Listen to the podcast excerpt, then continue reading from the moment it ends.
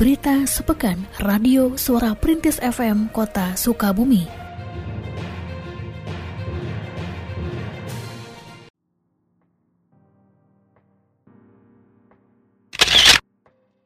Dinas Koperasi, Usaha Mikro, Perindustrian dan Perdagangan atau Diskumindak Kota Sukabumi memberikan pelatihan e-commerce untuk para pelaku UMKM. Pelatihan tersebut dibuka oleh Wali Kota Sukabumi, Ahmad Fahmi, pada hari Selasa 14 September 2021 di Hotel Balkoni. Wali Kota dalam sambutannya mengatakan bahwa para pelaku UMKM di Kota Sukabumi dituntut untuk melakukan inovasi, terutama pada masa pandemi COVID-19.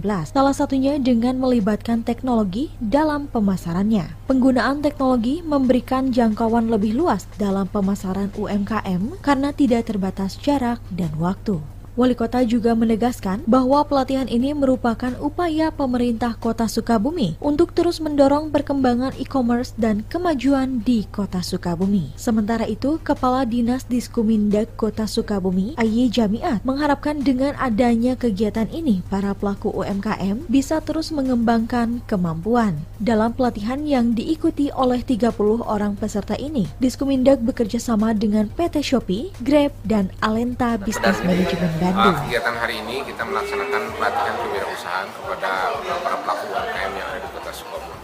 Pesertanya memang ada 30 untuk kita seleksi, uh, yaitu untuk pelaku-pelaku usaha UMKM yang belum pernah melaksanakan uh, atau mengikuti pelatihan di dinas.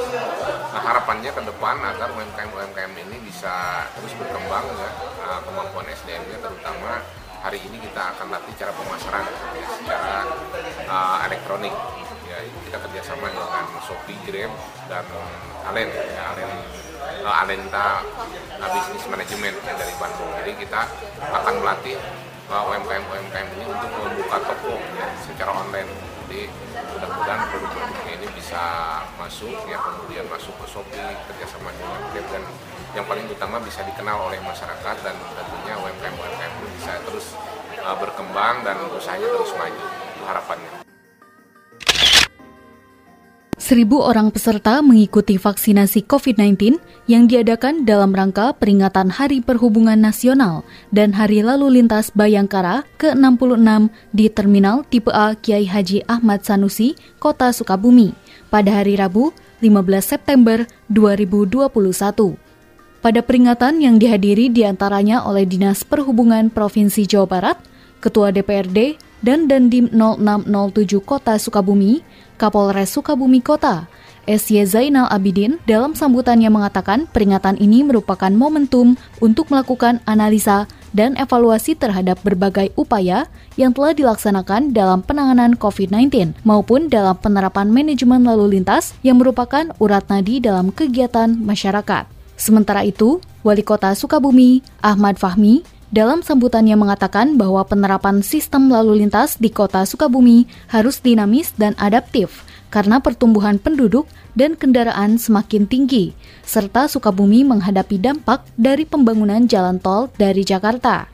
Di sisi lain, ia mengharapkan kegiatan vaksinasi COVID-19 yang dilakukan dapat memberikan percepatan pencapaian vaksinasi COVID-19 agar pandemi dapat segera terkendali. Peringatan tersebut terselenggara berkat kerjasama Dinas Perhubungan dan Dinas Kesehatan Kota Sukabumi bersama Dinas Perhubungan Jawa Barat, Polres Sukabumi, serta berbagai pihak swasta seperti PT Semen Jawa dan BJB. Diluncurkan pula stiker Saya Sudah Divaksin yang ditempelkan pada kendaraan angkutan termasuk angkutan online. Tentunya adalah semangatnya bagaimana kita kembali melakukan penataan yang berhubungan dengan transportasi, mobilisasi orang dan juga barang. Yang kemudian tetap kita perhatikan karena ini masa pandemi, bagaimana kita tetap memper, menjaga dari pergerakan mobilitas baik orang maupun barang tersebut. Sekaligus hari ini kita launching stiker uh, saya sudah divaksin. Ini sebagai bagian bagaimana kita memotivasi warga masyarakat yang belum melaksanakan vaksin, mereka jadi terdorong untuk mau divaksin. Basnas Kota Sukabumi menyalurkan bantuan untuk 183 orang lansia pada hari Rabu 15 September 2021 di Gedung Pusat Kajian Islam Kota Sukabumi. Bantuan tersebut diserahkan secara simbolis kepada perwakilan penerima bantuan oleh Wali Kota Sukabumi, Ahmad Fahmi. Wali Kota Sukabumi dalam sambutannya menandaskan bahwa pandemi yang masih terjadi membuat efek besar di masyarakat dari berbagai aspek kehidupan, salah satunya permasalahan sosial. Ia mengatakan kemampuan APBD Kota Sukabumi sangat terbatas, sehingga keterlibatan Basnas dalam ikut mengatasi permasalahan sosial sangat penting. Wali kota juga mengharapkan Basnas memanfaatkan teknologi dalam pelaksanaan mengelola zakat, infak, dan sodakoh dari masyarakat.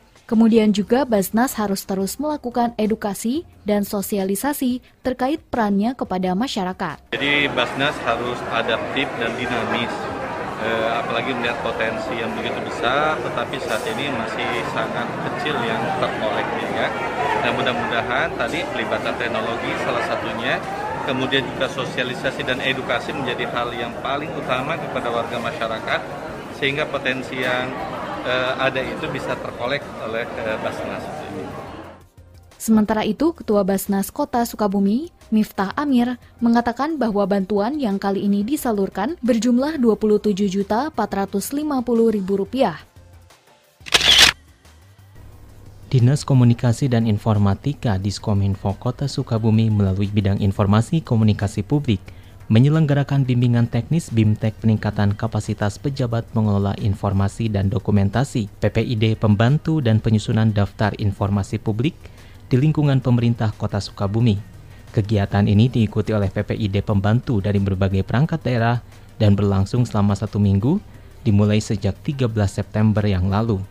Sekretaris Diskominfo Kota Sukabumi selaku PPID utama Kurnia Rahmandani pada saat pembukaan kegiatan mengutarakan bahwa kegiatan ini diadakan agar PPID pembantu pada perangkat daerah memahami tugas dan fungsinya berdasarkan Undang-Undang Nomor 14 Tahun 2008 tentang Keterbukaan Informasi Publik dan Peraturan Wali Kota Nomor 104 Tahun 2019 tentang pengelolaan pelayanan informasi publik dan dokumentasi di lingkungan Kota Sukabumi. Selain itu, melalui BIMTEK ini diharapkan setiap perangkat daerah segera menerbitkan surat keputusan kepala perangkat daerah terkait PPID pembantu serta menyusun daftar informasi publik yang berisi berbagai jenis informasi sesuai dengan kategori yang telah ditetapkan, seperti informasi yang wajib diumumkan secara berkala, informasi yang diumumkan secara serta-merta, dan informasi yang dikecualikan.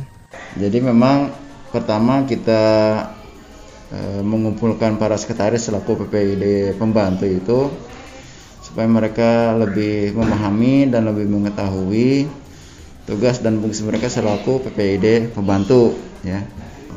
Kemudian yang berikutnya juga kita ingin ada perubahan uh, mindset perubahan paradigma yang selama ini menganggap bahwa informasi itu bersifat tertutup bersifat rahasia sehingga publik uh, sangat uh, kecil kemungkinan memperoleh informasi dari badan publik. Nah sekarang sudah dirubah mindset tersebut. Justru informasi dari badan publik itu bersifat terbuka dan e, masyarakat diharapkan mampu memperoleh informasi dari barang publik itu dengan cepat, tepat waktu dan mudah diakses. Nah harapannya gitu jadi ada perubahan mindset, ada perubahan pemikiran. Kecuali memang informasi-informasi yang masuk ke kategori informasi yang dikecualikan. Pemerintah Kota Sukabumi menerima penghargaan dari Mark Plus Inc dalam ajang Indonesia Marketeers Festival 2021 dengan tema Winning in the Recovery Era. Wali Kota Sukabumi Ahmad Fahmi beserta jajaran yang mengikuti jalannya penganugerahan penghargaan secara virtual di kantor Bapeda Kota Sukabumi pada 16 September lalu mengucapkan rasa syukurnya atas raihan penghargaan pada kategori Public Service of the Year yang didapatkan berdasarkan pada penilaian pelayanan pada dua perangkat daerah yaitu Dinas Koperasi, Usaha Mikro, Perdagangan dan Perindustrian, serta Dinas Penanaman Modal dan Pelayanan Terpadu Satu Pintu. Dua pelayanan yang mendapatkan penghargaan tersebut adalah Sukabumi Kece, Kelurahan Entrepreneurship Center, dengan target melahirkan wirausahawan muda yang dikelola oleh Diskomindag, serta aplikasi Sijimat yang dimiliki oleh Dinas Penanaman Modal dan Pelayanan Terpadu Satu Pintu untuk memberikan kemudahan pengurusan izin usaha, khususnya UMKM. Wali Kota Sukabumi, Ahmad Fahmi, membuka secara resmi kegiatan pembentukan pemuda kreatif dan inovatif melalui Rumah Cerdas Karang Taruna pada hari Kamis 16 September 2021 bertempat di Aula Kantor Kelurahan Tipar. Pembukaan tersebut dihadiri di antaranya oleh Ketua Karang Taruna Kota Sukabumi, R. Kusumo Hutaripto, dan Camat Citamiang, Fajar Rajasa. Camat Citamiang mengatakan bahwa kegiatan ini merupakan salah satu kegiatan yang diadakan oleh pihak Kelurahan Tipar dalam rangka pemberdayaan lembaga kemasyarakatan kelurahan atau LKK dengan memanfaatkan anggaran dana kelurahan. Pada kesempatan tersebut, diinformasikan pula bahwa untuk kegiatan yang didanai P2 RW di Kecamatan Citamiang akan segera diluncurkan dalam waktu dekat. Sementara Wali Kota Sukabumi mengapresiasi kegiatan ini karena salah satu potensi terbesar dalam pembangunan adalah sumber daya manusia atau SDM, sehingga harus bisa dimaksimalkan agar bisa memberikan nilai positif di masyarakat. Wali Kota mengharapkan dengan kehadiran rumah cerdas, para pemuda di Kelurahan Tipar dapat berperan dalam percepatan pembangunan serta melakukan banyak perubahan menuju arah lebih baik. Kegiatan hari ini digagas oleh Kelurahan Tipar, Kecamatan, kemudian juga oleh Karang Taruna tingkat kota. Bagaimana kita melaksanakan edukasi kepada para pemuda, khususnya dari Karang Taruna, sehingga mereka menjadi bagian yang menggerakkan proses pembangunan di wilayah dan kita ingin potensi pemuda sebagai generasi pelanjut mereka melahirkan hal-hal yang positif di wilayah Tipar khususnya. Di Kecamatan Citamiang ini yang pertama, Kecamatan Citamiang. Kita berharap karena ini kan bagian dari dana kelurahan yang telah disepakati di kecamatan dan di kelurahan, tentunya ini akan dilaksanakan di kegiatan di wilayah-wilayah yang lain. Palang Merah Indonesia PMI Kota Sukabumi melaksanakan penandatanganan nota kesepahaman atau MOU dengan Badan Penanggulangan Bencana Daerah BPBD Kota Sukabumi dan Universitas Muhammadiyah Sukabumi UMI terkait penanggulangan bencana dan program Merdeka Belajar Kampus Merdeka PMBKM program kemanusiaan yang akan segera dilaksanakan tahun ini. Ketua PMI Kota Sukabumi Suranto Sumowiryo menjelaskan pada momentum ulang tahun ke-76 PMI Kota Sukabumi terus berupaya meningkatkan pelayanan di bidang sosial kemanusiaan dalam rangka membantu pemerintah serta berupaya hadir di tengah masyarakat, terlebih dalam kondisi pandemi saat ini. Upaya tersebut di antaranya diwujudkan dengan mengikat kerjasama dengan para pemangku kepentingan seperti BPBD dan UMI. Tahun ini, PMI Kota Sukabumi menyiapkan serangkaian kegiatan dalam rangka memperingati ulang tahunnya ke-76, mulai dari upacara puncak yang diikuti oleh seluruh komponen PMI di semua jajaran, serta peluncuran simbolis donasi kemanusiaan PMI Kota Sukabumi melalui digital dengan menggunakan Quick Response Code Indonesian Standard QRIS bekerjasama dengan Bank Jabar Banten. Dilakukan pula berbagai kegiatan sosial seperti santunan untuk anak yatim piatu. Sementara itu, Kepala Pelaksana BPBD Kota Sukabumi, Imran Wardani mengharapkan melalui kerjasama ini, penanggulangan bencana akan semakin optimal. Ya, di yang ke-76 ini kami meningkatkan kolaborasi uh, sinergitas dengan PMI dalam rangka upaya pencegahan bencana, kemudian saat terjadi bencana dan pasca bencana rehabilitasi dan rekonstruksi. Kami akan saling bahu-membahu, saling membantu dan peningkatan kapasitas sumber daya manusia di bidang penanggulangan kebencanaan. Jadi sampai gimana ke depannya? Ya, harapan kami bahwa penanggulangan bencana di Kota Sukabumi ini dapat lebih tepat sasaran, lebih komprehensif, dan semakin dirasakan manfaat oleh warga masyarakat khususnya Kota Sukabumi. Lapangan renyah Kelurahan Baros diresmikan oleh Wali Kota Sukabumi Ahmad Fahmi pada hari Kamis 16 September 2021. Lapangan Renyah yang merupakan salah satu program unggulan Wali Kota dan Wakil Wali Kota Sukabumi melalui program Kelurahan Sport Center terletak di RW 17 Kelurahan Baros. Lapangan Renyah memiliki fasilitas lapangan bola poli dan bulu tangkis serta dilengkapi dengan gazebo sebagai tempat berkumpulnya warga. Wali Kota Sukabumi mengharapkan lapangan tersebut bisa dimanfaatkan sebaik-baiknya oleh warga setempat dan bisa dijaga serta dirawat keberadaannya oleh warga. Sementara itu Lurah Baros Budi Ruswandi mengharapkan dengan keberadaan lapangannya tidak semata-mata menyehatkan warga, namun juga mampu menguatkan kebersamaan dan kekeluargaan warga Kelurahan Baros.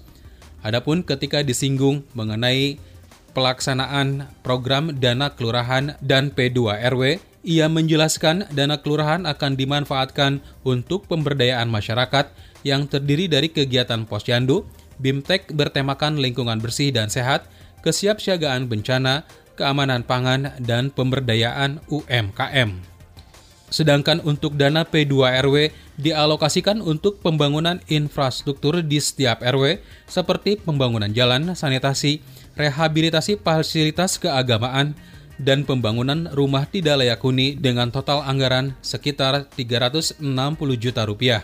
Program P2 RW direncanakan dimulai pada bulan September, sedangkan dana kelurahan akan dilaksanakan mulai bulan Oktober. Uh, untuk dana kelurahan yang pertama dialokasikan untuk kegiatan posyandu, bintek posyandu, kemudian uh, bintek lingkungan bersih dan sehat. Itu adanya di Pokja 4 Pokja 4 PKK ditambah dengan bimbingan teknis kesiapsiagaan bencana bagi RT, RW, dan Pelinmas untuk dana P2 RW masing-masing RW pengajuannya di RW 1 rehab gang dan rehab tempat wudhu untuk di RW 2 pembuatan drainase dan rehab gang.